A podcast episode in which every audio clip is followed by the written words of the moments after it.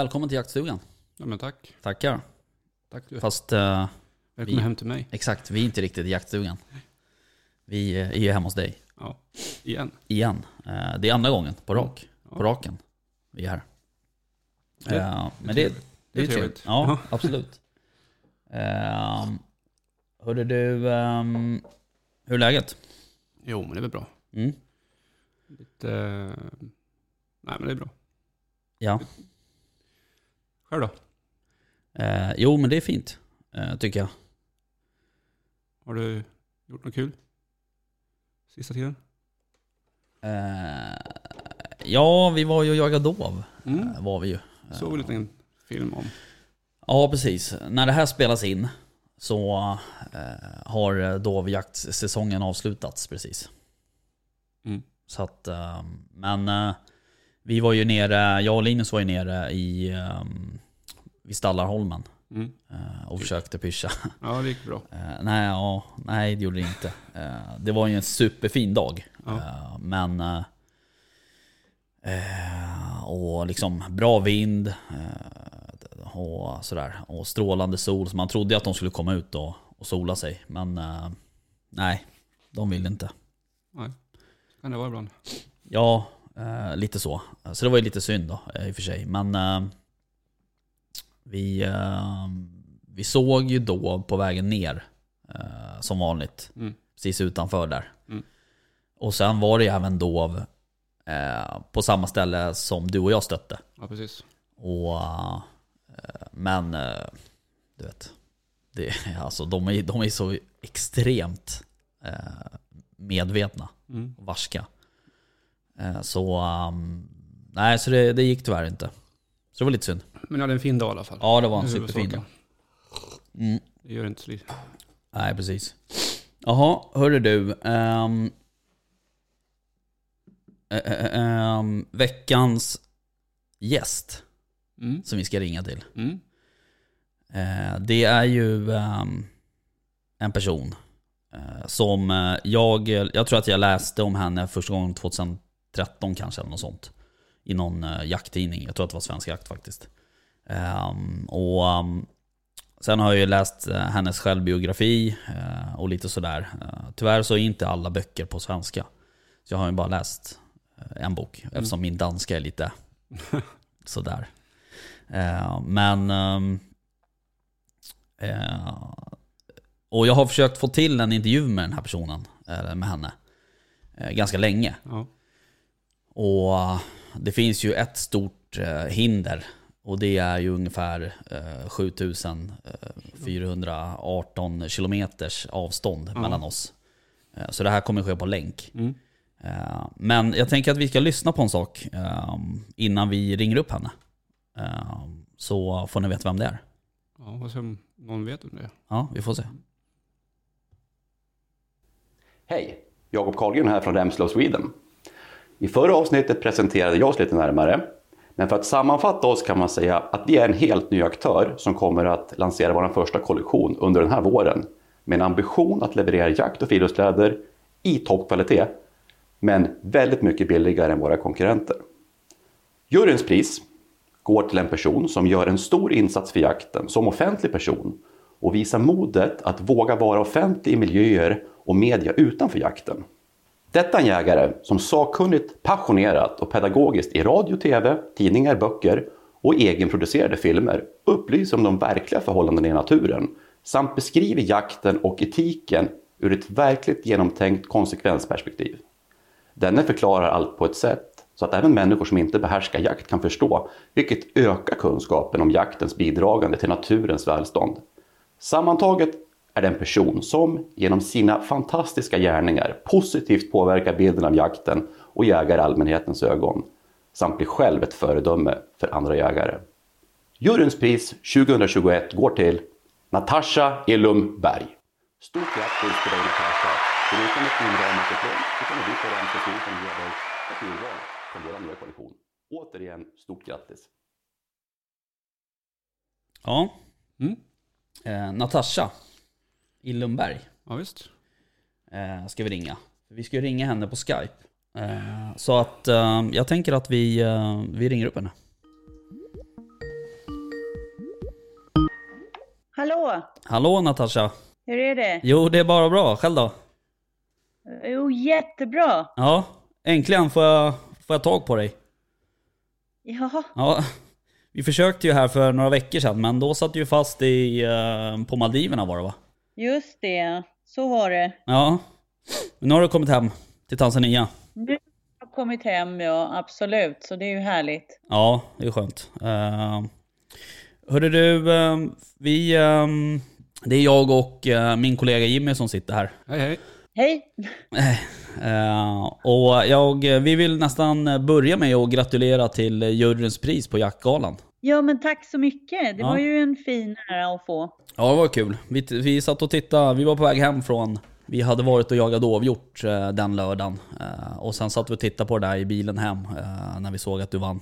Okej, Mm. kul. Ja, ja vad roligt. Eh, du, eh, jag tänker att vi, eh, vi eh, börjar eh, egentligen från början. Du är ju eh, uppvuxen på Eriksberg i Blekinge. Så är det. Ja, eh, och jag var inne och tittade på din hemsida där och då såg jag en bild på dig och din eh, stora syster eh, när ni står och matar en älgko tror jag det är och ett, eh, och ett rådjur. Det var inte en ko, men tror jag inte på den bilden. Men, det, det, men det är sant. Så var det ju mycket när vi var små att ja, vi var alltid i och nära naturen på alla sätt. Och den gången var det ju inte öppet för allmänheten på samma sätt. Nej. Så att det där var verkligen våran värld. Just det. Men har, ehm, det var väldigt liksom mycket, ja, det var mycket natur och jakt och, och det, var, det var en stor del av, av uppväxten. Ja, det var ju inget annat Nej. alls. Nej. Så det var ju precis så det var. okej. 1994 så flyttade du till eh, eh, Tanzania då för att du eh, hade någon, någon dröm om att du ville bli eh, professionell jägare. Precis så var det ja. Ja, kan du berätta lite om det?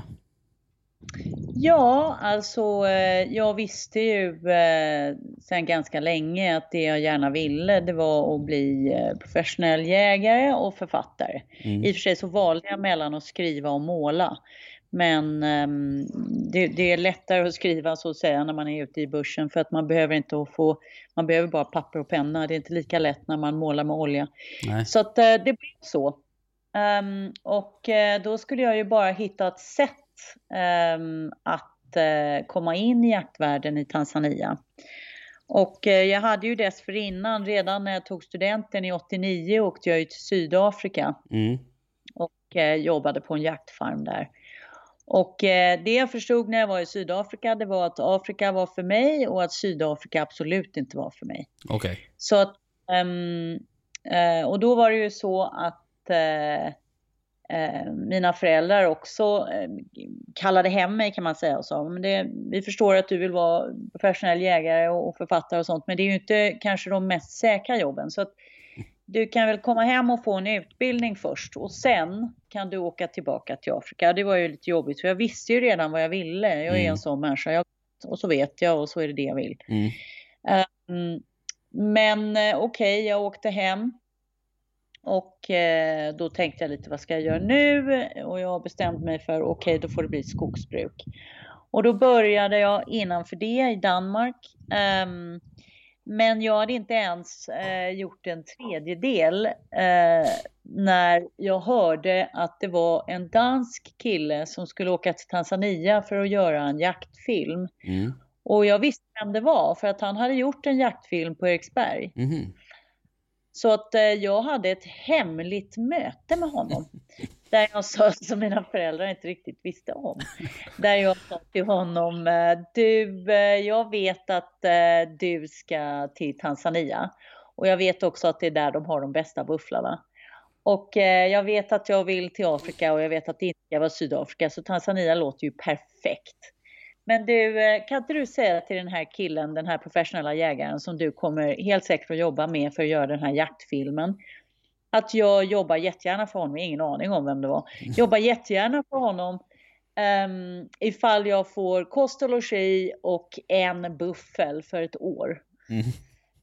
Mm, och han kom ju då tillbaka ett par månader senare och sa ja men eh, det är bara att eh, packa dina väskor för han eh, tar in en elev nu och det är du. Och jag Ja. bara perfekt. Och, och så på den vägen var det. Så att jag gick till mamma och sa, eh, pappa visste ju redan, det var ju Mm. liksom ingen chans att jag skulle göra något annat. Eh, och sa till mamma, nu är det så här mamma att nu flyttar jag till Afrika, jag tror inte jag kommer hem igen. Och ehm, alltså givetvis kommer hem på besök. Det är precis, alltså, precis det en mamma vill höra, tänker jag. Precis det mamma vill höra. Så att eh, stackars mamma hon grät lite grann men sen så sa hon men det här har jag vetat, vetat jättelänge så flyg nu då för 17. Så att eh, då gjorde jag det och mycket riktigt, jag hade aldrig varit i Östafrika, men mycket riktigt så kom jag inte hem igen. Och det är 30 år sedan. Ja. Jag tänkte på de här månaderna innan du fick veta att du skulle få en lärlingsplats, hur långa kändes de? Ja, alltså jag är ju en sån här människa, när jag först har bestämt mig för någonting så eh, liksom, eh, så mm, då ger jag inte upp va. Så Nej. att jag visste bara, nej men det här är vägen och blir det inte honom så blir det ju någon annan. Mm. Då får jag ju liksom hitta ett annat sätt. Ja, precis. Jag, vet, och jag ser det här egentligen ganska ofta på unga människor, att, eh, och nu låter jag ju hemskt unga människor. Jag blir ju för fan 50 år alltså, Ja. det är ju fruktansvärt. Ehm, men att det är lite sådär, um, det kanske egentligen alltid har varit så, det är nog mer en personlighetstyp. Eh, Men när människor liksom tror att nej men då försökte jag och så gick det inte. Mm. Och då, då blir jag alltid okej och vad gjorde du då? Nej men det gick ju inte. Nej men vad då gick inte? Vad gjorde du då? Mm. alltså, jag är av den naturen att har jag bestämt mig så det finns ju en väg. Bara man Mm. jobbar hårt nog och försöker hårt nog så finns det ju alltid en väg. Mm. Ja, jo. Det är, den drivkraften är ju... eh, den besitter ju inte alla riktigt, eh, så att säga. Nej, då vill de inte nog. Nej, precis. precis. Eh, Men du, hur var, hur var det att- börja som lärling där då? Hur gammal var du då? 23 typ eller? Ja, något sånt. Ja. Hur, hur var det? Ehm, Ja, men det var ju intressant och det var svårt och det var spännande. och Mm. Det var ju en, en mix av alla möjliga grejer. Va? Därför att jag har ju skrivit väldigt mycket om det här i min första bok. För Mm. den kom ju ut när jag var 27, uh, Floder av röd jord. Just det. Ehm, och ehm, ja, men det var ju alltså det var ju en blandning. Det var ju lite annorlunda på det sättet att jag hade ju kanske föreställt mig. Jag växte ju upp på ett sätt som var att Alltså kvinnor i min familj, det var ju ingen som frågasatte liksom vad, vad kvinnor gjorde. Det fanns inte i min familj. Jag är ju uppfostrat väldigt gammaldags men samtidigt i en familj, speciellt på pappas sida, där kvinnor alltid har gjort vad de ville. Ja. Eh, och eh, liksom det var ingen som frågasatte på något sätt att en kvinna inte skulle kunna det en man skulle kunna. Kanske fysisk styrka och lyfta någonting, men det var väl det enda. Mm. Eh, det, det var liksom inte så mycket diskussion om det. Eh, så att jag, men jag förstod ju att kanske världen var lite annorlunda, så jag hade väl trott kanske att några män skulle vara så här lite emot det. Men vad jag inte hade räknat med var eh, hur mycket hur ohjälpsamma kvinnor var. Det var nog det som var den stora grejen för mig. Mm. Eh, så det var lite av en chock. Eh, hur mycket de liksom ville ha bort mig. Mm. Så att jag brukar ju säga i det jag för övrigt tycker är en otroligt viktig grej, hela det här med metoo, för det är många saker jag inte skulle ha varit utsatta för ifall den tiden hade varit nu. Nej. Eh, att det är mycket hårresande grejer jag har varit utsatt för där. Men dock vill jag addera till det att det är ju intressant att man aldrig pratar om att det finns ju en annan orsak som är att kvinnor inte har kommit längre ofta och det är att kvinnor är inte speciellt snälla mot andra kvinnor och hjälper, hjälper dem fram. Det var Nej. de i alla fall absolut inte mot mig.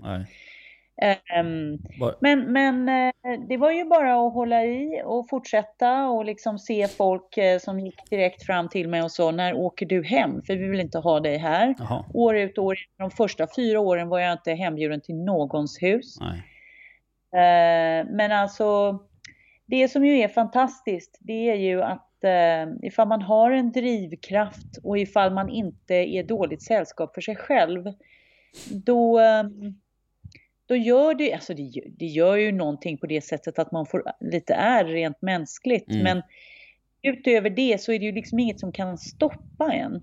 Nej. Och det här är något verkligen försöker lära min dotter vad hon än väljer i livet. För att jag tror inte det blir jägare. Men just det här med att man måste bli vän med sig själv. För att är man vän med sig själv och har det bra med steg, i sitt eget sällskap. Jag menar, då, då är det liksom ingenting som kan slå ner en strömmar på det sättet. Då, då bryr man sig inte så mycket om vad andra människor säger. Nej. Eh, och det har jag liksom haft tack vare kanske att växa upp i en skog någonstans där det inte var så många människor. Så att eh, ja, men då blev det ju av till slut. Mm. Hur lång är, är liksom eh, en lärlingsplats sådär? Finns det någon, är det någon tidsbestämd? eh, Eller är det Ja. liksom tills någon tycker att du är klar så att säga? Ja, alltså egentligen nu är det Afrika, ju Afrika, men jag har ju följt alla eh, konstens regler angående eh, vad man säger att man ska och inte ska. Så Mm. att jag var ju lära i tre år eh, och hos eh, två eh, professionella jägare, lite hos en tredje. Ehm, och ehm, sen ska du ju då ha brev Mm. där några eh, accepterade gamla professionella jägare eh, skriver att de sätter sitt namn till dig. Mm. Typ som ett Sen- eh, gesällbrev eller? Ja, det kan du säga. Mm. Ehm, sen, jag menar, okej, det finns säkert vägar omkring det där på alla möjliga sätt och vis. Men jag har följt alla konstens regler och det är jag väldigt glad för att jag har gjort. Mm. Därför att jag har också varit i situationer där jag plötsligen hade användning för att kunna vissa saker som du verkligen lär dig när du är lära. Som jag inte hade kunnat, kunnat göra ifall jag bara hade glidit in, ifall du förstår hur jag Mm, menar. mm. Ehm, så jag har liksom lärt det från grunden upp. Eh, allt från um, alltså skinning eh, av allt Mm. eh, som jag ju inte, alltså det gör jag ju inte idag själv. Jag, vi har ju en kamp fylld med människor men ifall det behövs kan jag. Ehm, så det känns ju tryggt och bra. ja, Ja, det är väl bra att ha kunskap i, i alla delar så att säga, tänker jag. absolut. Uh, hörde du, eh, du har ju, du var inne på det lite där att du har eh, skrivit en del böcker och så. Ja. Eh, och eh, jag eh, lyssnade på den här söndagsintervju som du hade här 2017 med Martin Wiklin. Eh, Ja. Där du pratade om eh, den här första dikten som du skrev. Eh, Ja. Nu är det fyra år sedan eh, och du var inte så sugen på att läsa upp den då, men du kanske har ändrat det nu. Nej, jag har den inte så här, den ligger på vinden någonstans. Ja, nej, vi släpper det då. Eh, Men hur mycket, hur, hur har det jobbet liksom utvecklats, ditt skrivande? Du ver, ver, Ja, men det- verkar du ha vetat tidigt att du ville hålla på med, med skrivarbete också? Absolut. Absolut, absolut. Eh, och, och som sagt, det var ju tre grejer då. Jag målade också väldigt, Mm. väldigt mycket. Men det, det, det gav jag upp, för jag är också en sån typ som, jag vill vara bra på någonting. Mm. Eh, så nu är det jakt och skrivandet som gäller. Men, ehm, ja men det, är- det är ju en jättestor del, det är ju halva mitt liv är ju skrivandet. Det som är väldigt tråkigt för mig, det är ju att man i Sverige inte riktigt, eh, jag menar jag, jag kommer ut nu med min sjätte bok som kommer ut i Danmark nu den 12 april. Mm. Ehm, och i Sverige har man då tagit två av mina böcker. Mm. Eh, och det är väl lite, det är ganska intressant det där, för jag lutar mig lite upp mot farfars, ehm, vad han brukade säga tydligen, jag levde ju inte när han levde, men han gav ju ut eh, 28 böcker på 17 språk eller vad det är. Ja. Och han sa att han tyckte ju att det absolut svåraste stället för honom det var Sverige. Eh, och han dog ju en väldigt olycklig man för att han inte kände att svenskarna var speciellt ehm, trevliga mot honom. Men ehm, det är ju lite intressant det där att man oftast liksom inte, hur ska jag säga, svenskarna har ju då inte tagit mina bästa böcker Nej. alls. Eh, och det är liksom ett mysterium för mig varför det har blivit så än så länge. Det kanske kommer att ändra sig i framtiden, I have no idea. Men Mm. Ehm, det känns lite dåligt i magen för att vara helt ärlig. Mm, mm. För att det är lite någonting att jag känner, men herregud, jag har ju växt upp i Sverige. Några Ja. av mina böcker är satta mellan Sverige och Östafrika. Mm. Och man har ändå inte känt att man vill ha dem i Sverige. Det är jättekonstigt. Mm. Men utöver det, så det är lite ett stick i hjärtat för mig någonstans. Eh, men, men utöver det så är det ju absolut en, en stor del av mitt liv och kommer ju att vara med mig hela livet. Jag menar att vara professionell buffeljägare är kanske inte när jag är 72, men jag är nog fortfarande författare. Mm. Mm, Ja, precis. så det är Eh, ju en viktig del. Ja. ja. Eh, jag eh, har ju läst din eh, Floder av röd jord där. Vilken mer bok är det som är på svenska? Ja, jag har en av mina romaner, Ja, okej. Vildsnår heter Just det. Eh, den kom ut så 2011, uh, har jag för mig. Eh, Eh, och Ja, det är möjligt. Jag kan, Ja. vara helt ärlig, jag ihåg. Jag har själv gett ut böcker på nio språk, men jag kommer inte ihåg eh, precis Nej. eh, när den kom ut i Sverige, för att vara ärlig. Men det kan nog stämma. Mm.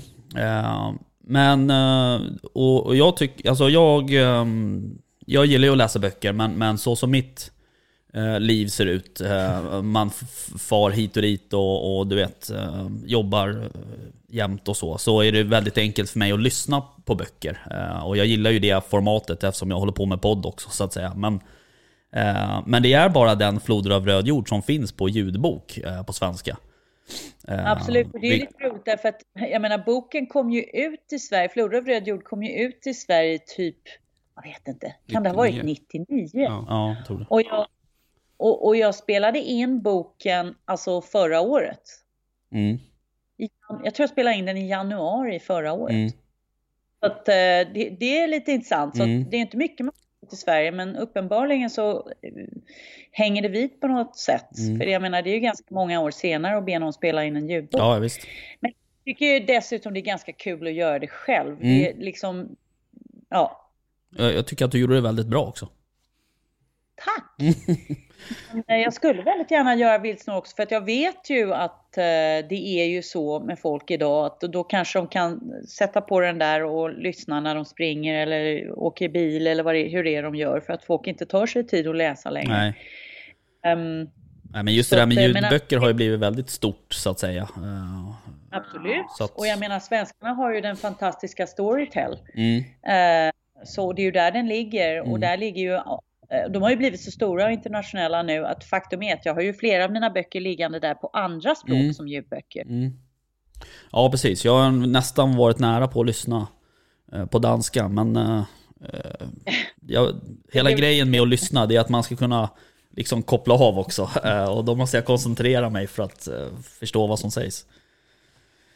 Ja. Eh, Men, eh, nej, men vi får väl eh, hoppas att de kommer ut på svenska här snart. Du får Absolut. väl... Men en grej jag har gjort, jag har ju gjort ett litet experiment som jag själv tyckte var ganska kul. Mm, Men det var ju ett experiment jag gjorde i, eh, alltså nu här i våran, vårat fantastiska covid-år. mm, Eh, Det var, jag vet inte om du har råkat se det, men jag tycker faktiskt det var ganska kul.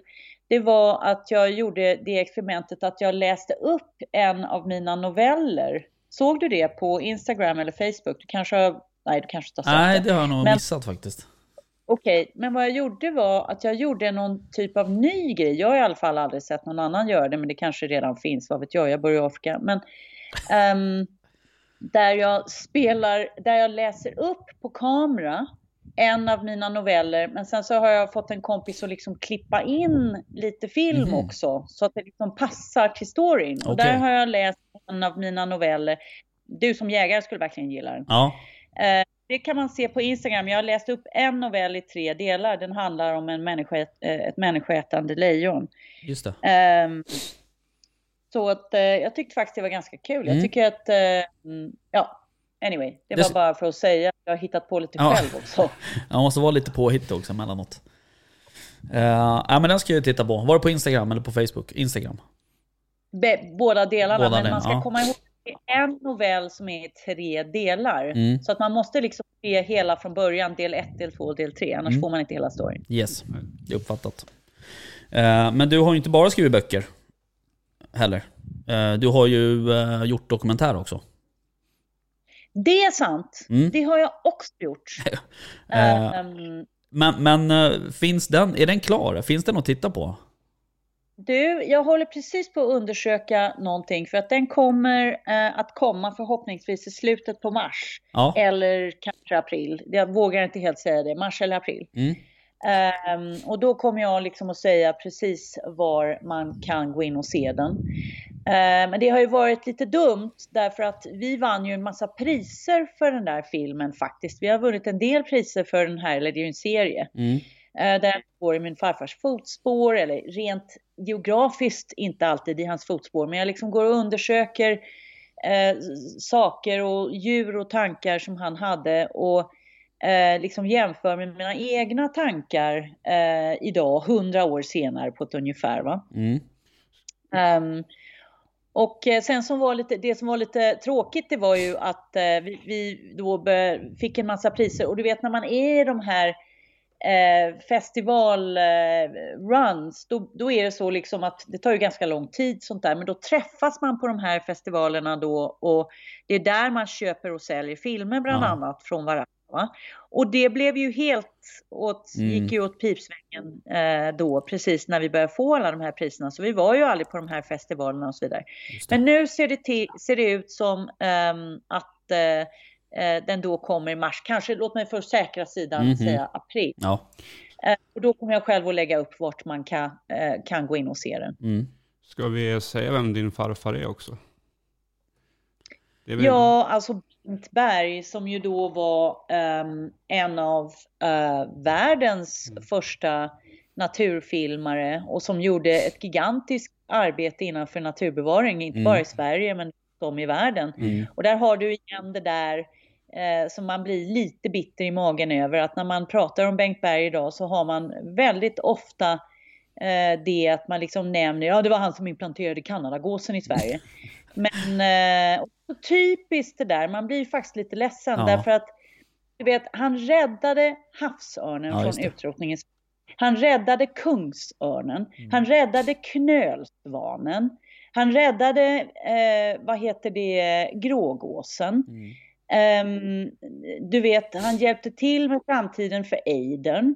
Han var med eh, och gjorde ett väldigt stort arbete för att, eh, och var en av de absoluta människorna som räddade den indiska noshörningen. Mm. Alltså, han har ju Mm. gjort en gigantisk insats. det. Och det enda man säger om honom i Sverige, det är att han, han planterade in kanadagåsen. Ja. Det känns som att det är, är typiskt svenskt på något sätt. Eh, Ja, just- men det är så fruktansvärt tråkigt. Och sen så hintar man alla möjliga mörka saker om honom också. För det tycker man att man ska göra. Mm, mm. Eh, och det är bara okej. Och det var ju därför han eh, i sista änden var en väldigt eh, olycklig man. Därför Mm. att han bara kände, okej, jag har liksom vikt mitt liv åt det här. Och han sa om och om igen, döm mig för vad jag har gjort. Döm mig för vad jag har gjort och inte Mm. eh, vad jag har sagt. Jag menar man säger många saker genom visst. sitt liv, men vad gör man? Vad är det man rent faktiskt har gjort?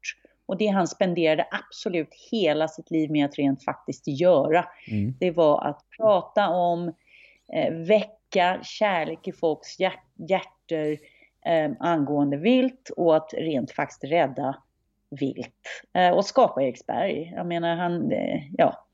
Så att eh, det är då ett försök också på att visa vad han egentligen Mm. gjorde. Jag menar utöver det, han, han var den som liksom kom på att fåglar har ett kompass överhuvudtaget och att de kan hitta hem. Jag menar det är ju stora grejer. Ja, visst. Ja, Ehm, absolut. Så att ehm, den serien har vi gjort. Den heter Skypaths och eh, mer om det när jag vet eh, precis när den kommer ut. Mm. kommer jag lägga ut det på mina egna sociala medier. Ja, precis. Eh, Ja, men det ser vi fram emot. Eh, Men eh, din farfar var ju också... eh, Jag har ju varit nere på, eh, på Eriksberg. Jag var faktiskt där i... Var det förr, förra sommaren, har jag för mig. Eh, Med Ja, ungarna. förra var Nej, förra, förra sommaren var det inte. Eh, Då Nej. satt man hemma. Eh, Men eh, för förra har jag för mig att det var. Och det är ju... Det är ju, det är ju Alltså det är ju väldigt fint. Alltså vilken, vilken liksom, vad ska jag säga, anläggning. Eller alltså, ehm, det är ju otroligt fint där. Ja, absolut. Och jag hade ju den stora förmånen att få lov att växa upp där. Mm. Jag menar som barn, min största bekymring var hur jag skulle kunna fånga en större gädda eller Mm, eh, skulle jag kunna simma över till Dragsö eller eh, du vet, eh, var jag lite rädd för Vicentkon som hade fått en kalv eller vad det var va? Det Ja. var ju en fullständigt sagolik uppväxt. Ja. Eh, speciellt, och jag är ju väldigt glad, och det ville farfar också, och det ville pappa också. Jag är ju väldigt glad för att offentligheten är där inne idag. Men jag tror inte att vi, vi var inte duktiga på det. Eh, och, och, det är det som gör att de nya ägarna är fantastiska med Eriksberg. Eh, för Mm. att de förstår det kommersiella. Vi är inte kommersiella människor, vi, vi är naturmänniskor. Vi förstår oss inte så mycket på det där, utan vi förstår oss på naturen. Mm. Eh, mm, ja, Mm. Jag, har, jag, att, eh, jag har lite på min uh, bucketlist och, och um, åka dit och jaga mufflon faktiskt. Mm. det vore superroligt. Um, Men du, um, uh, var var vi någonstans? Just det, dokumentären ja. Uh, ja, nej men vi hoppas att den uh, dyker upp här snart så vi får titta på den. ja, Det skulle vara kul. jag säger, Hallå? ja, jag Ja. säger till. Ja, nej, men det är bra. Det lät nästan som det bröts. Ja, det precis. Ja. Ja. Du, eh, vi pratar ju lite om, om eh, Corona, eh, eller det gör man ju i stort sett hela tiden känns det som. Men eh, hur har eh, Corona påverkat ditt jobb eh, i, eh, som professionell eh, jägare? Ja, det har ju påverkat mitt jobb på det sättet att eh, 2020 eh, hade jag inte en enda jakt. Eh, och eh, helt enkelt så var det väldigt, väldigt, väldigt få människor som reste. Det var eh, en och annan jakt, men för hela industrin har det varit katastrof.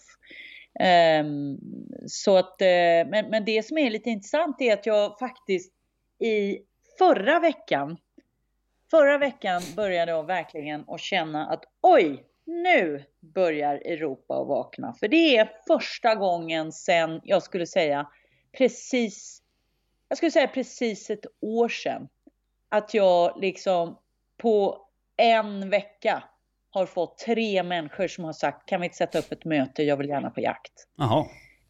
Mm, Så att eh, det känns ju nu som att jag tycker att vi ska fokusera på det ljuset som är alltså inte ens väldigt långt borta i den här Nej. tunneln. För mig känns det ju som att när jaktsäsongen börjar här så är det här a bad memory. Mm. Och jag kan ju säga, och där har vi det igen, utöver det rent ekonomiska som har varit fruktansvärt Mm. eh, för mig och flesta, och, eh, för jag menar det är ju inte bara jakten som har blivit avlyst, det är alla mina föredrag har blivit avlysta. Jag skulle ha haft ett, ett, ett föredrag nu på Eriksberg den 26. Mm. Det, jag, det blev avlyst igår. Mm. Därför att tydligen så är reglerna fortfarande så i Sverige att man får inte vara fler än eh, så så många Nej. människor samlade. Polisen har sagt och så vidare. Mm. Och det kan ju ingen hjälpa, men det är ju fruktansvärt. Jag menar, Ja. vi ska ju, jag måste ju liksom betala för mitt barn och Mm. liksom, ja. Men alltså, så är det. Men alltså, det är ju ingenting annat att göra än att fokusera framåt. Ehm, och det ser ju ut så i alla fall att det börjar öppna upp. Eh, jag känner fullständigt så att jaktsäsongen kommer att börja, i, alltså jakten kommer att börja igen i år. Eh, folk börjar boka nu, jag tror jag bokade en igår. Ehm, och eh, sen har jag bokat en till. Så nu, du vet, långsamt, långsamt börjar det nu. Och nu kommer jag ut med min nästa bok den 12 april. Mm. Och du vet, långsamt, långsamt så kommer det. Ja. Nej, men det, det, det handlar ju om att, att liksom eh, rida ut den här stormen på något sätt. Ja, och sen så känner jag väl lite också så att eh, vi är ju alla i samma båt. Jag Mm. tycker ju inte att den här tiden har varit bara fruktansvärd.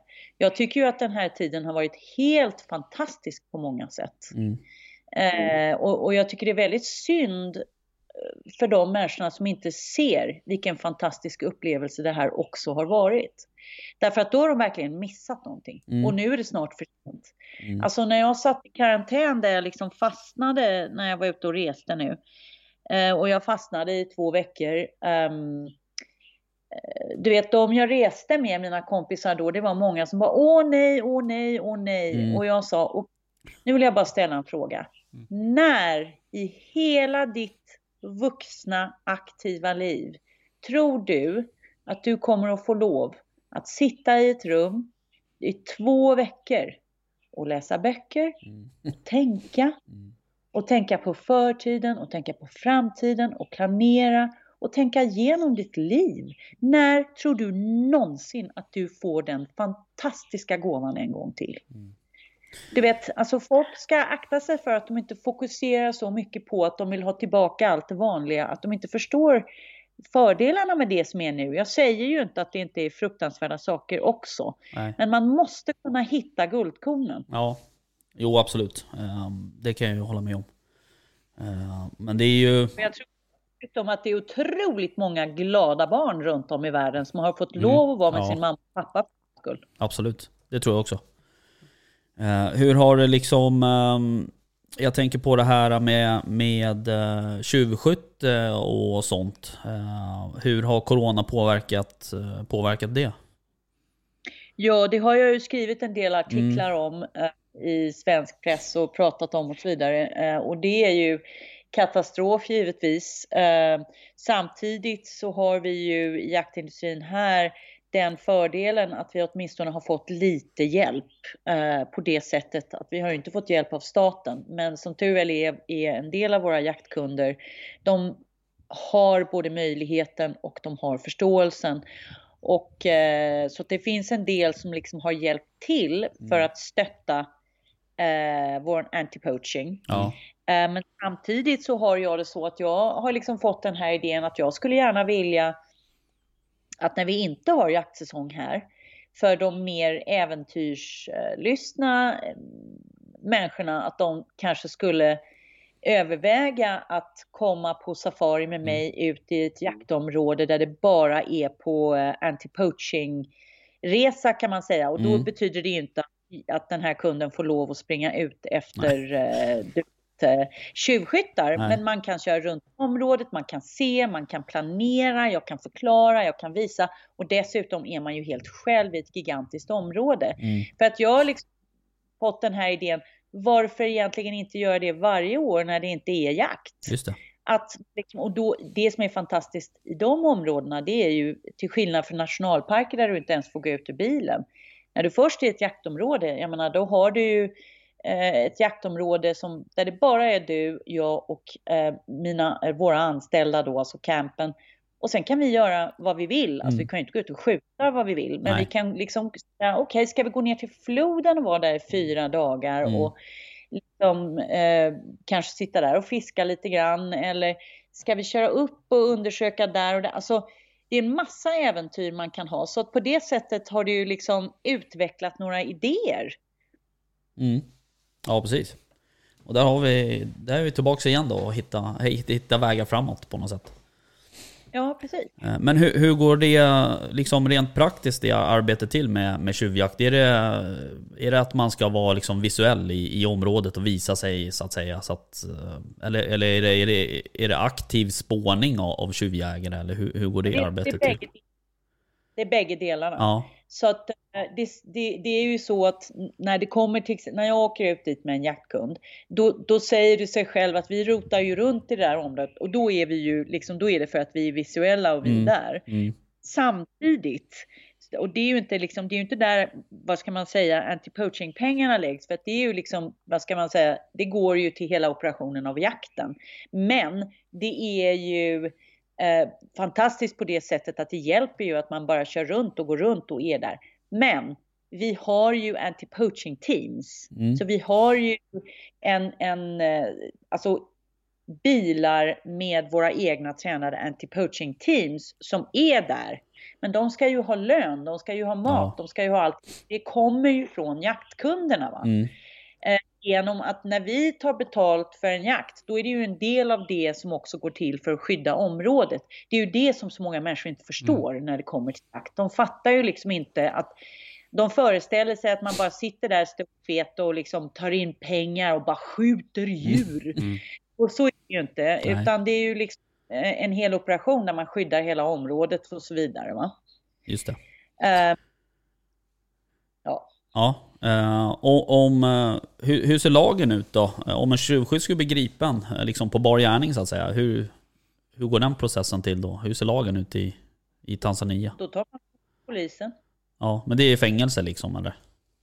Det är fängelse. Ja, Det är fängelse, det är en rättssak och det är fängelse. Eh, sen kommer det ju lite an på hur stränga de är i olika regioner. Men Mm. här, det, det är det, det kan vara ganska det blir bättre. Mm. Eh, Förr brukade det vara liksom att eh, de kommer till polisen och sen så åker de ut igen för att de har gett någon, ja, peng kanske eller whatever. Mm. Men det har, det har verkligen blivit bättre. Eh, så att, och det här se- ses det ju som, och jag gillar det någonstans, det ses ju som ek- ekonomisk, eh, eh, alltså vad- ekonomisk förstörelse för staten. För att Mm. här äger du ju inte vilt, det är statens allting. Så att du hyr ett jaktområde, sen hyr du ju ett jaktområde kanske i 20 år. Ja, Men, men allt viltet tillhör staten, så det är ju stjäla från staten att vara tjuvskytte. just det. Och det låter ju konstigt, men någonstans så fungerar ju det. Ja. Ja, vi har ju lite, Och sen- lite likadant i Sverige. Är, vi har ju statligt vilt här också så att säga. Eh, Men det är ju... Ja. Ja, precis. Men saken är den att det är ehm, lite annorlunda på det sättet att du, alltså, det är inte ofta att du i, över Afrika har någonting som, att, alltså att det liksom ses som ekonomi, att viltet ses som ekonomi och det låter ju ganska kallt men det är ganska viktigt. Mm. För att då förstår man ju hur viktigt det är både med jakten och inkomsten för jakten Mm. och skyddandet områdena och allt det där som vi förstår men som många andra människor inte förstår. Nej, precis.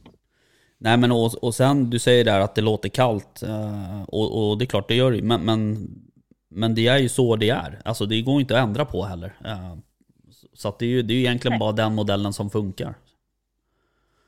Ja, precis. eh, Antar jag. Ehm, Ja.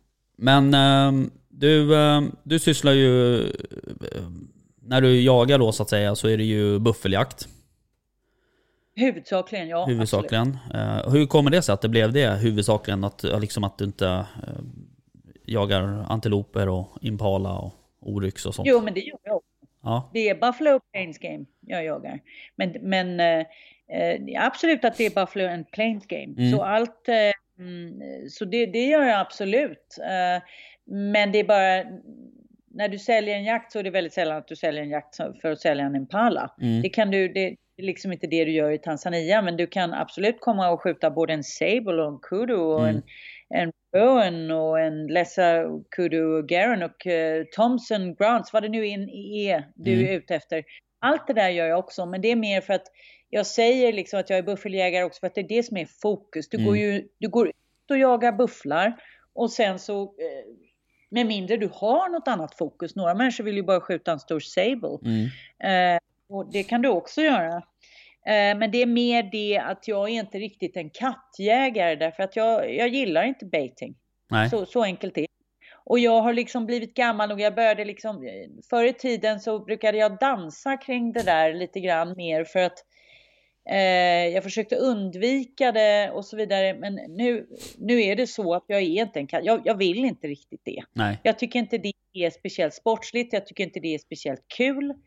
Eh, jag tycker inte det är den bästa upplevelsen att ge en jägare. Jag, jag vet liksom hur, du vet när du spårar ett djur Mm. och buff är ju något helt speciellt för den är ju både farlig och intelligent Mm. och allt det. va. Men att sitta eh, och vänta och bara kolla eh, baits hela dagarna. Jag tycker inte riktigt det är, it's not my cup of tea. Nej. Vi har lite den debatten här med Sverige också angående åteljakt då, så att säga. Eh, Det är ju väldigt många för och emot röster där. Eh, Men en buffeljakt då, hur... eh, det, som är viktigt, det som är viktigt för mig att säga angående det här, det är jag är som så inte emot eh, åteljakt ifall det görs innanför de numren som är eh, rimliga. Mm, Därför att du har tid att se att du skjuter det riktiga djuret. just det. Och det är ganska viktigt. Jag personligen eh, tycker bara inte att det är speciellt spännande och jag tycker inte att det är för mig och för de kunderna jag har är det bara inte riktigt kanske eh, riktig jakt alltså. Du Nej. sitter ju bara. Mm. Ja. ja, precis. Eh, Men, men eh, buffeljakt då, det är, det är huvudsakligen, eller det är väl en- endast kanske bara alltså smygjakt eller spårnings, spårjakt. Absolut, Ja. absolut. Är den fysisk, eh, fysiskt krävande då? Är den, är det en jobbig jakt så att säga? Ja, kan det vara. Mm. Eh, jakt är ju jakt så att säga. Eh, kan vara otroligt jobbigt allt efter vilket område du går i. Kan också vara medium eller lite. Mm. Ehm, så att eh, när jag åker till exempel till västra Tanzania så, eh, eh, eller mitten, väst, ja, mitten ungefär ner västra Tanzania, däromkring i de områdena vi har där. Ehm, där är det Miombo-skog och där är det frågan om att spåra och det är inte det att du går så fruktansvärt snabbt, men du kanske går 6-8 timmar och- ibland om Mm. dagen. Ehm, och ibland så gör du inte, det är ju liksom så, men det är alltihopa spåring.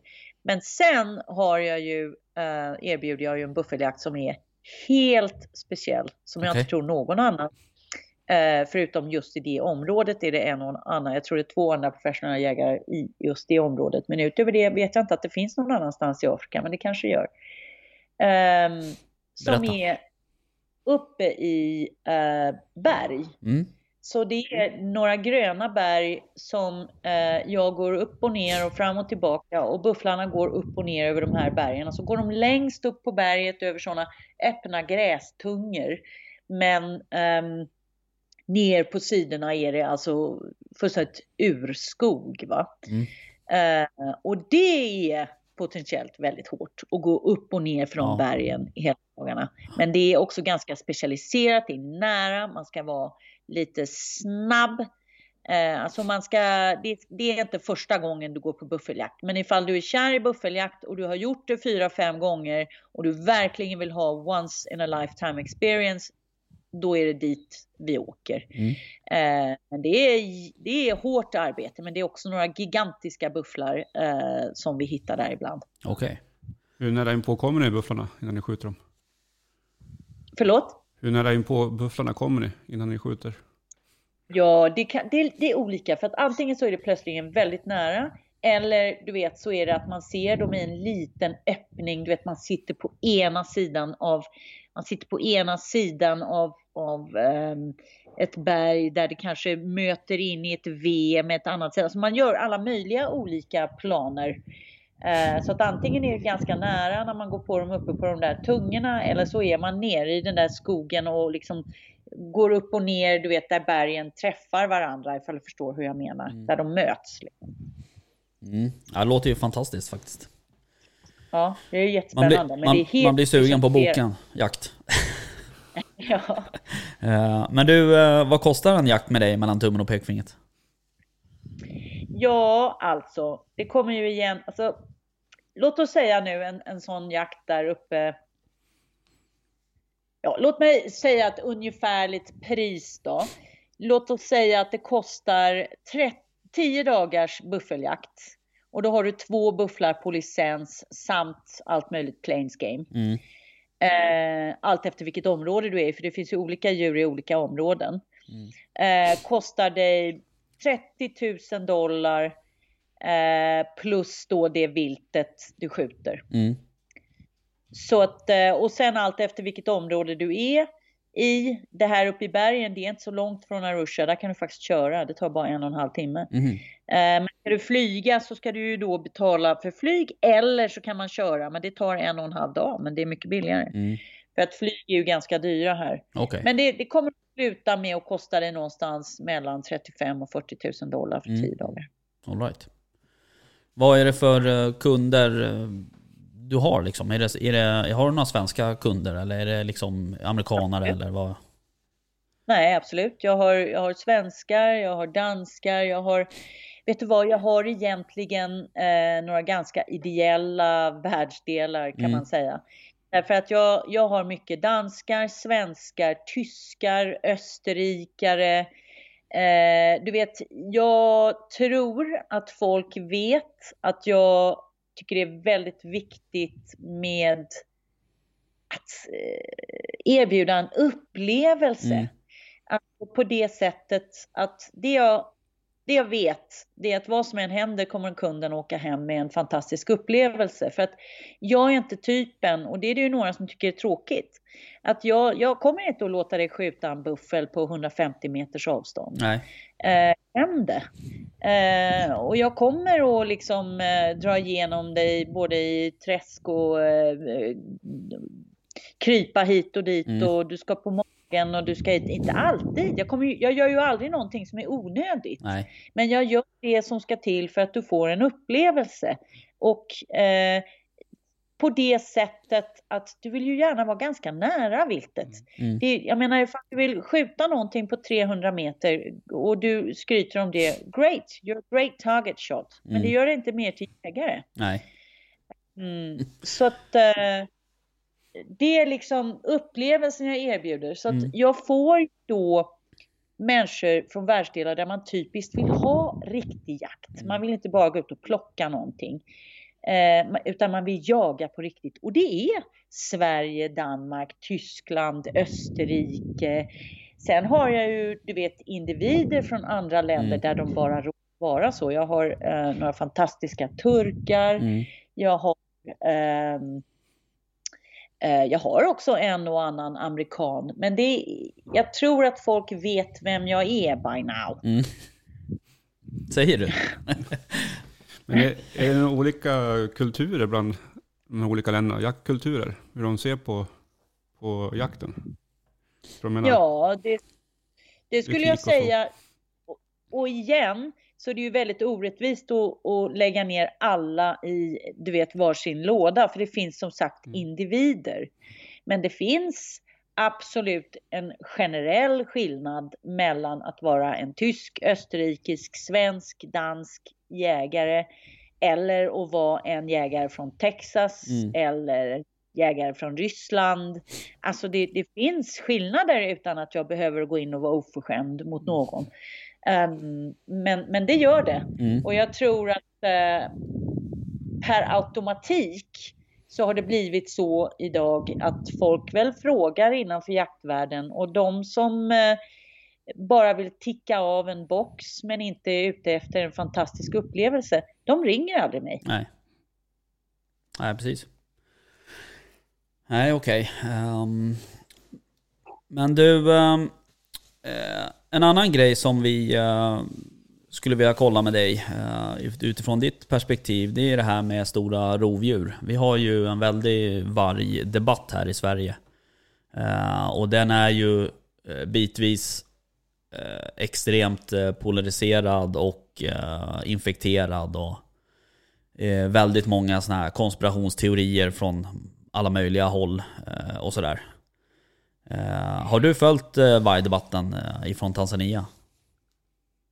Alltså, jag har ju följt den på så vida att jag har ju sett, jag kommer ihåg, jag tror redan det var i 2007 eller någonting, så hade man eh, i Sverige en gång om året någonting som hette ett rovdjurssymposium. Mm. Och där blev jag bjuden någon gång. Eh, och jag blev bjuden upp då till längre upp i Sverige. Jag kan inte komma ihåg precis vad det var, men jag tror det var i Värmland. Mhm. Eh, och jag blev bjuden eh, att prata där för att eh, folk gärna ville höra hur lever man egentligen i Afrika med rovdjur? Ja. Och jag gav då eh, mina 45 minuters tankar omkring hela det där. Mm. Eh, Okej. Och jag har då ehm, följt den stigande debatten. Eh, och jag kan ju säga så här. Jag kan till en viss del förlåta eh, den urbaniserade människan för att komma med det fullständigt eh, extrema och i mina ögon pinsamma eh, den pinsamma idén det skulle vara att, att vi på något sätt har rätt att diskutera om vargen får lov att vara i Sverige eller ej. Mm. Det kan jag förlåta den urbaniserade människan för, för att de varken förstår hur eh, vargars natur är och de eh, tror väl att vargar är livsfarliga och jag menar vet kanske inte så mycket om djur. Nej. Men vad jag inte kan förlåta och vad jag ser som så djupt upprörande, det är att jägare i Sverige har den inställningen. Av, jag, jag kan helt enkelt inte förstå att jägare tror att de på något sätt ska kunna framstå som varandes naturbevarare, vilket är någonting de tar fram ur fickan var och varannan dag. Mm. Och att det är därför det är okej okay att vara jägare för att de tar vara på naturen. Och att vi då har något så fantastiskt som att vargen börjar komma tillbaka i Sverige. Och att det då visar sig att det enda de här jägarna är intresserade i, det är att skydda sina egna, egna intressen. Mm. Och deras egna intressen är att uppenbarligen finns viltet bara i Sverige för att underhålla dem. Mm.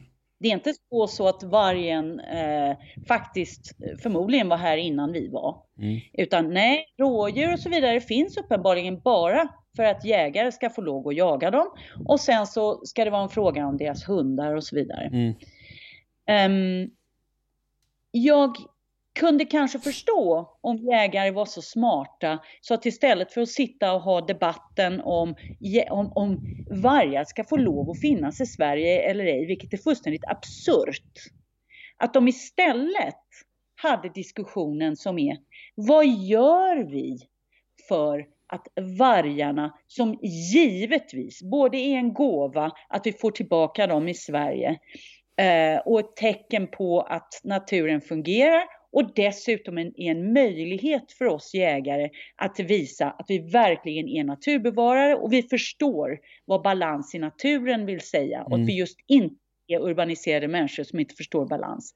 Så att vad gör vi för att eh, se till att vargpopulationen på något sätt är på rätt plats och på rätt sätt? Mm.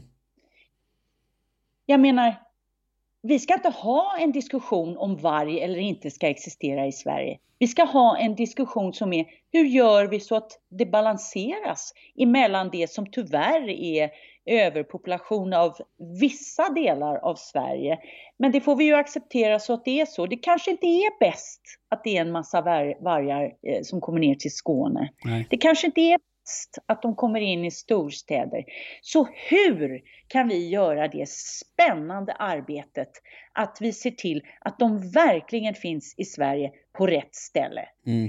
Det jag inte förstår, det är varför när nu jägarna har chansen att verkligen visa hur naturbevarande de är, varför går inte jägarna tillsammans och diskuterar om man kanske kan göra ett rovdjursreservat i Sverige. Det finns ju gigantiska delar av Sverige där det knappt finns en människa och där de människorna som finns där kanske gärna skulle vilja ha ett välbetalt jobb mm. att skydda någonting som kunde vara fantastiskt för turismen i Sverige, någonting som kunde vara fantastiskt för jägarnas image runt om i världen. Mm. För att jag tror inte jägare i Sverige förstår att anti-jakt-attityden eh, eh, som kommer utifrån kommer att komma till Sverige om två minuter. Mm. Den är lite där men den är ju inte alls där än. Men Nej. den kommer att komma mm. mer och mer och mer.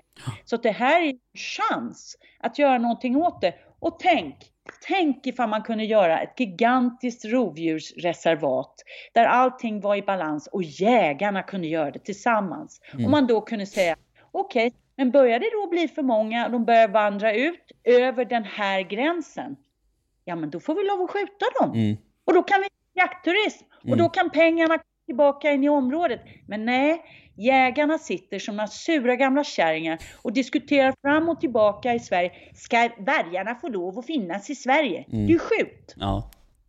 Så nu hör du min inte starka eh, åsikt. nej, precis.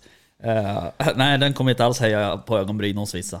Uh, men... Den där diskussionen har redan funnits att man ska ha ett uh, reservat för, för vargar och mm. rådjur i Sverige. Men det har ju bara kommit till en idé fortfarande. Mm. Det går ju så sakta. Ja. Hela den här rådjursförvaltningsbiten går ju så sakta i Sverige. Så att det är ingen som törs ta tag i den riktigt. Nej. Jo, men poängen för mig här är, ja, vi sitter alltså och väntar på vad staten ska säga. Mm. Tänk om jägarna var så intelligenta som gjorde det själva. Tänk om de var så intelligenta. Mm. Mm. Tror... Det hade ju varit den mest fantastiska, det mest fantastiska sättet för oss att visa att vi är just det vi går runt och säger att vi är. Vi är människor som älskar naturen, vi är människor som älskar balans, Vi är människor som tar därför att vi ger. Men just nu ser det ut för mig i Sverige, tyvärr, att man gärna tar, men man ger inte. Nej. Och då sitter man samtidigt och har åsikter om, åh, så här kan man, man kan inte skjuta en leopard i Afrika och så vidare. Jag vet ju vad vi gör och vad vi offrar och vad vi faktiskt gör för att skydda det hela. Ja. Man har blivit så skämda i Sverige. Man ska bara kunna ta sin hund, ska inte hända någonting med hunden, man ska kunna gå ut, ska inte vara någonting, så ska man kunna jaga om man vill. Mm. Men det är ju inte en naturlig balans som är så. Nej. Jag, jag tror också att eh, många... Alltså det många är trötta på när det kommer till vargdebatten tror jag också att det är, det är just det, en brist på förvaltning. Eh, och det, det är liksom, man man får en licensjakt på, eh, på, på djur, eh, på ett visst antal djur som, som visar sig att det är, det är en felräkning från, från Länsstyrelsen och det blir liksom helt, det blir, helt, det blir snedriv, snedvridet från början då så att säga. Eh, för jag menar, vi förvaltar ju alla andra viltstammar, eh, men vi får inte förvalta vargen. Eh, utan det är någon typ Nej, av myndighet som ska första- bestämma. Jo, men det är ju också, jo, men det är ju klart att det är så därför att hur många vargar finns det i Sverige? Jag menar, det är ju helt absurt när vi tittar på hur många vargar det finns i Sverige, hur många leoparder det finns. Jag har en leopard som springer runt här i trädgården och ätit två av mina hundar. Okej, so be it. Mm. Ehm, men jag menar, poängen är att jag menar, i Sverige sitter man också hela tiden bara och väntar. Varför går inte jägarna in i det här? Varför går inte Jägarförbundet in i det här? Varför förstår man inte att det här är ett fantastiskt sätt att skapa sig ett bra namn? Vi är ju, ifall ni verkligen tror på det, för att jag tror ju på det, att en riktig jägare är ju faktiskt en människa som verkligen förstår och känner och ser naturen mycket bättre än långt de flesta andra. Mm. Sen ska man ha vetenskapspersonerna med sig Mm. och det ska ju vara en balans där. Precis. Men, men varför sitter jägarna bara och väntar på lagen? Varför gör de ingenting tillsammans? Jag förstår inte det. Nej. Nej, det kan jag tyvärr inte ge något bra svar på. Eh, men, eh, men jag tycker att du har en, en poäng där. Eh, och det är, ja, som sagt, det är ju... Problemet är ju liksom lite att det, det är så, det, du vet ju hur det är i Sverige. Det är myndigheterna styr liksom så att säga såklart. Men eh, det, de maler långsamt så att säga. Eh, men eh, ja, det är intressant. Ja, men alltså finns det en, en ja. Anyway, vi kan debattera Ja. det här hur många timmar som helst, men jag bara känner att det, det, det, det, det är någon typ av, alltså vad ska man säga, fastfrusenhet Mm. omkring frågan där man liksom inte fokuserar på det riktiga. Man ska Nej. ju först och främst alla vara eniga om att det är fantastiskt att ha varg i Sverige. Punkt slut. Sen efter det, hur gör vi nu så att det blir på bäst sätt? mm. Och att det blir till en fördel för alla och allt. Ja, ja precis. Och det finns ju ett sätt, men då får man ju sluta och lyssna på såna här extremister som säger jag vill inte ha en enda varg i Sverige. Alltså go home. Mm. Låt oss se det här som en fantastisk gåva och sen se till, oj det var en Oj. dörr som blåste igen. Och sen se till att det blir till en fördel för allt och alla, både turism, ekonomi, jägare, allting. Mm. Mm. Ja, Vi får se vart det slutar någonstans. ja, det jag har nog inte sett sista av eh, vargdebatten känner jag. Eh, Men... Det eh, är likadant som det såg ut 2007 när du var på ditt seminarium. Ja. Det ser likadant ut nu också. Ja. Det har inte hänt så mycket. Ja, det är sorgligt. Mm. Ja. det är det. Um, hörru du, ehm, nu börjar tiden springa iväg här, men jag tänkte jag skulle vilja kolla en annan grej med dig. Du är ju ganska aktiv på sociala medier eh, och sådär. Och... Ja, lite. Ja, eh, och när jag har eh, lyssnat på din bok och jag har tittat på intervjuer och sådär eh, med dig så känns det som att jakten är, för dig är den väldigt liksom naturlig och liksom, vad ska jag säga, ren på något sätt. Alltså det, det är en naturlig del för dig. Det har väl också att göra med din uppväxt då såklart. Men det är liksom inga konstigheter eller, eller liksom, det är inga fabler så att säga, eller påklistrade eh, grejer. Eh, men Eh, det jag tänker på är just det här med typ jaktbilder och hur man liksom agerar utåt i sociala medier. I Sverige kan man ju till exempel se så här, du vet på YouTube eller i någon, någon podd någonstans när någon berättar om att de har skjutit ett djur så är det nästan som att de så här, ber om förlåtelse för att de har skjutit djuret och det ska vara så väldigt liksom vördnadsfullt och, och, och sådär. Så här, hur, hur, du, hur du ser på ja, men sociala medier och jakt så att säga, och jaktbilder framförallt och, och hur folk beter sig eh, framför kameran egentligen. Alltså jag ser så här, och jag säger aldrig förlåt när Nej. jag har jagat någonting. Jag säger dock tack. Mm. Och det, det är en, en, jag säger tack. Och, och det är en, en, en annan sak än att säga förlåt. Mm. Men det jag säger, det är egentligen när jag ser både sociala medier och jag ser filmer och så vidare. Jag, jag känner att det som ofta saknas, det är, och det är det jag själv försöker att göra när jag förklarar för människor eh, vad det är jag håller på med och hur jag tänker angående jakt och så vidare. Människor har väldigt svårt för att zooma ut Mm. och se på den större bilden av det som ju egentligen är frågan, som i det hela taget är liv och död. För att det hela hänger ju ihop på det sättet att ju mer urbaniserade vi blir, ju mindre kan vi acceptera vår egen död och ju mindre kan vi därmed acceptera döden i det hela taget. Men det börjar skapa en viss oärlighet, för faktum är ju att vi kan inte leva utan att döda. Nej. Det, det existerar inte. Det enda du någonsin har stoppat i din mun som, av mat som inte har levt är salt. Mm. Sen kan du bestämma dig för om du tycker att eh, när blir det riktigt liv? Är, det vid fisken då? Eller Mm. är det med morot? Mm. Eller är det vid eh, älgen? Var, var är den gränsen Mm. någonstans? Vetenskapen ändrar sig ju precis varje dag och, och jag eh, är ganska övertygad personligen om att vi om 30 år ser att när du drar en morot ur jorden så finns det också någon typ av avkapning av liv som kanske det här på något, moroten kanske känner på något sätt. Vad vet jag? Mm. Vi vet så mycket idag vi inte visste för 30 år sedan och vi, vi måste ju förstå att vetenskapen fortsätter. Mm. Så att när man zoomar ut och ser på den större frågan angående att liv skapar liv, eh, förlåt, att liv skapar död och att död eh, skapar liv och att det fortsätter på det sättet och att man måste börja där för att acceptera. Då börjar frågorna att bli någonting helt annat. Då blir det frågor om balans. Då blir det en fråga om, ja men det är väl klart att man får jaga. Ja men Mm. det är väl klart att man får äta morötter. Men hur mycket?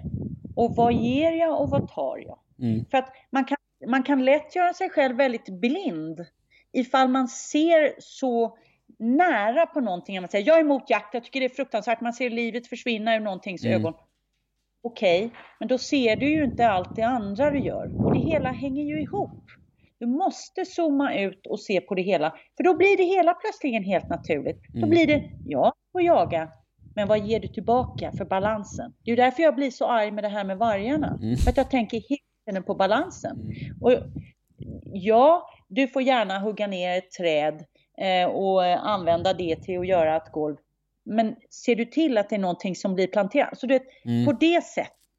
Och, och det är där jag känner också i de sociala medierna att eh, det är väldigt få som har förstått, och det är kanske som du själv säger, för att jag själv har växt upp i en skog, som har den större bilden och som tänker större, på de större frågorna om vad vill det säga att, att leva och att äta och att göra de, alla de här sakerna och hur ser jag till att det är balans? De, de är så mycket inne i sina egna frågor och sin egen image och sin egen dittan och dattan och jag vill inte framstå så här eller jag skiter i det, nu ska jag bara visa hjärtat på Mm. djuret. Mm.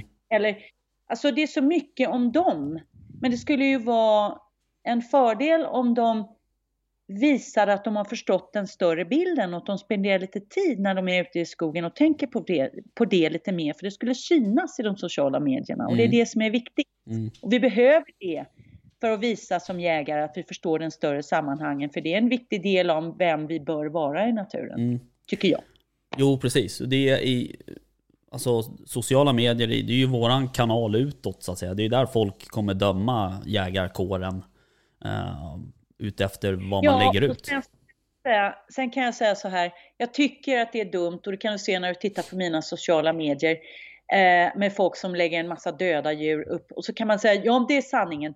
Ja, det är sanningen. Men sanningen, det är känslor som du har när du är i en situation. Mm. Och det du vill visa på en bild, det är de känslorna du har när du är i en situation. För det är så det kommer att uppfattas av en människa som sitter mitt i Stockholm och äter en fralla. Mm. Alltså, eh, så visar du en bild på ett dött djur, så skickar du ut signalen som är det som gör mig glad, det är ett dött djur. Mm. Du kan ju visa jakt på ett sätt, alltså poängen är du vill ju gärna skicka ut någonting på ett sätt som du vill att det tas emot. Mm. Det kräver ju en viss empati för hur andra människor tänker. Eller ska vi bara vara trotsiga? Eller ska vi försöka att visa någonting till människor som lever ett annat liv? En glädje vid någonting. Eller ska vi bara säga, jag skiter i vad alla tycker, nu lägger jag ut en massa döda djur och blod. Mm. Ja, ja men för all del, gör det. Men vad uppnår du med det? Ja. Ja, Och det, eh, tänk, vad sa du? Det? och det tänker jag en del på. Mm. Jag, jag försöker att liksom att uppnå att den människan jag talar med, eller de hundra människorna, eller de tusen människorna jag talar med, att de känner det jag känner i det ögonblicket. Inte att jag visar vad jag gör, men har jag glädje över en jaktdag, då är det glädjen jag vill visa. Mm. Inte trofén som jag kan hänga upp på min vägg, Nej. utan det är det jag känner i magen. Ja, just det. Nej, men det är ju... Och det är det man önskar kanske att... att, att eh, vara lite mer eh, utspritt bland gemene man kanske. Ja, men menar, för jag får ge ett helt annat exempel. Mm. Vad tror du har varmast effekt på andra människor? Ifall du går ut och köper en eh, Porsche och eh, du tar en bild på din Porsche och lägger upp den på eh, eh, Instagram. Visar den din glädje över din Porsche? Nej.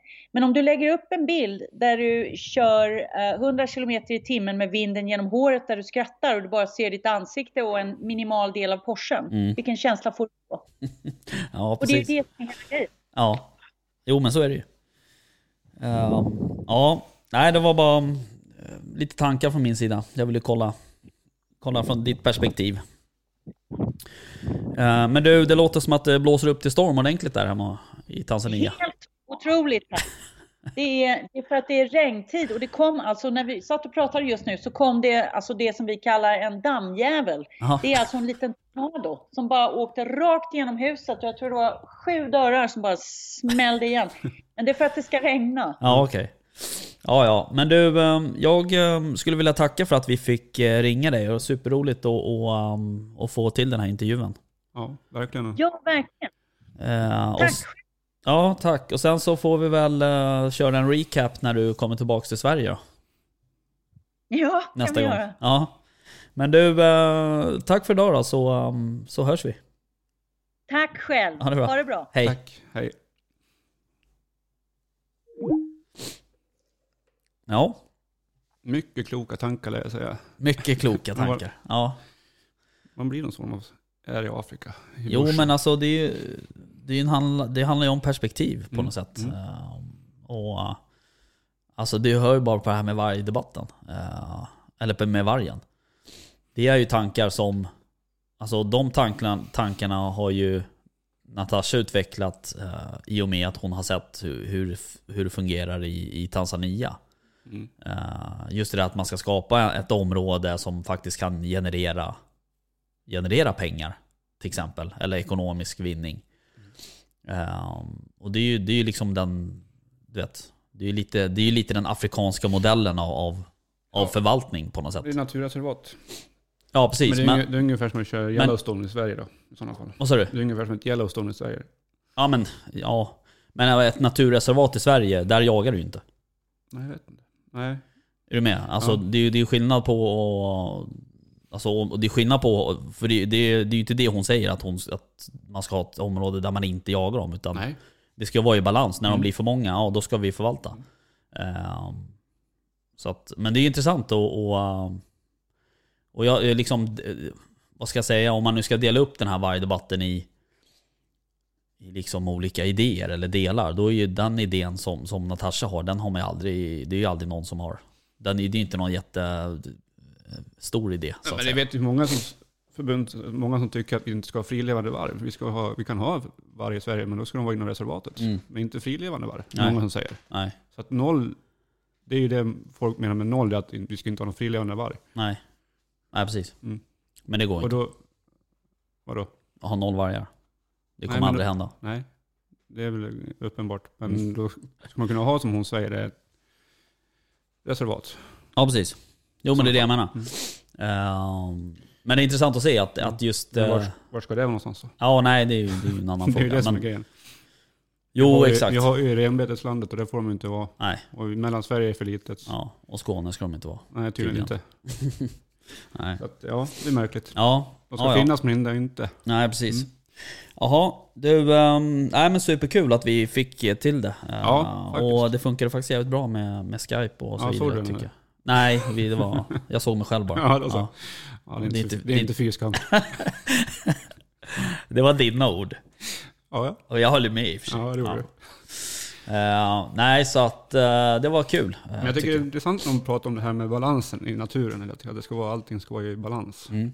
Det, Det är sällan man pratar om balans. det är så djupt allting. Ja men det är ju lite Ja. djupt. Eh, Lite steget längre hela tiden. Ja, precis. Eh, och, det och det är som jag säger, det är sällan det pratas om balans. Utan i för, förenings-Sverige så är det ju alltid förvaltning som det pratas om. Alltså det, det, det ska förvaltas. Det ska ja, vara... förvaltas men samtidigt, det är ju en balans vi ska ha där också. Men ja, Mm. men, ja. ja det är intressant tycker jag. Mm. Mycket, mycket tankar som man Mm. kan börja fundera på. Mm. Men du, ska vi boka en jakt eller? Och henne? Ja. ja. ja, precis. Du fyller ju år snart. Exakt. Fan, det gör jag ju. Det har du rätt i. Ja. Jag sa något. Eh, Fast Ja. jag vet inte. Vad kostar det? 40 000 dollar? Mm. Mm, det är ju vad man har i bakfickan. ja, det är det väl. Sälja huset. Rika dalmas. Ja. Eh, ja, nej det är ju det är inte gratis liksom. Men ehm, det är nog, det är ju det är liksom, alltså du förstår ju själv, det är ju det är ju once in a lifetime upplevelse. Jo, så är det. Eh, och jag menar, ja. Nej, häftigt. Någon gång ska jag åka till Afrika, men sen om det Men blir just, just det, hon, buffeljakt vet jag ja, inte. precis. Men just det, hon säger att hon inte ska göra det så himla lätt. Man ska få jobba lite grann för det, känns det som hon menar. Liksom. Inte få skjuta på 300 meter, visst gör det, men vad är upplevelsen liksom? Mm. Du måste ju få en upplevelse och det är ju mycket därför vi jagar också, för att vi ska ha en upplevelse. Hon sa ju det också, att det är skjut på 300 meter, men det Mm. gör ju inte dig Ja. till en bättre jägare. Det är det jag, Ja. det har jag sagt länge. Alltså, Du är en duktig target shot. ja precis. Men, Ja exakt. Men det är nästan, jag har ju, det har jag ju sagt förut. Jag har, jag har ju större respekt för någon som faktiskt smyger in Ja. och skjuter på 10 meter. Mm. För att Som- smyga på vilt, det är typ det svåraste du kan hålla Ja. på med. ja, det måste man lära sig väldigt mycket och lära viltet framförallt. Ja. Det är Eh, det som bågägarna är inne på. mm. Ja visst, så är det ju. Visst, de sitter och väntar mycket, men de är väl smyg, smygjägare. Eh, ja, hörde du... ehm, nej men då så. Annars då? Något du vill berätta? Nej. Inget? Nej, i- ingenting. Eller vad, vad tänker du på? Nej jag skojar. du blir så jävla lurig Jag bara. vet. Vad jag ska ha sagt? Ehm, ja, ja, men du, ehm, då så. Då ehm, kör vi, tänkte jag säga. Mm. Nej, men Den här det- röda knappen som står räck på, ska jag trycka på den innan vi... Nej, den ska inte lysa. Eller? Nej, jag skojar. Jag vet inte. Du, ehm, ehm, tack ehm, för idag då. Men tack själv. Så ehm, får vi... ehm, ja, vi hörs. Eller, Nu blir det jobb eller? nu blir det jobb. Ja. Nej men då så, tack för idag. Hej. Hej hej.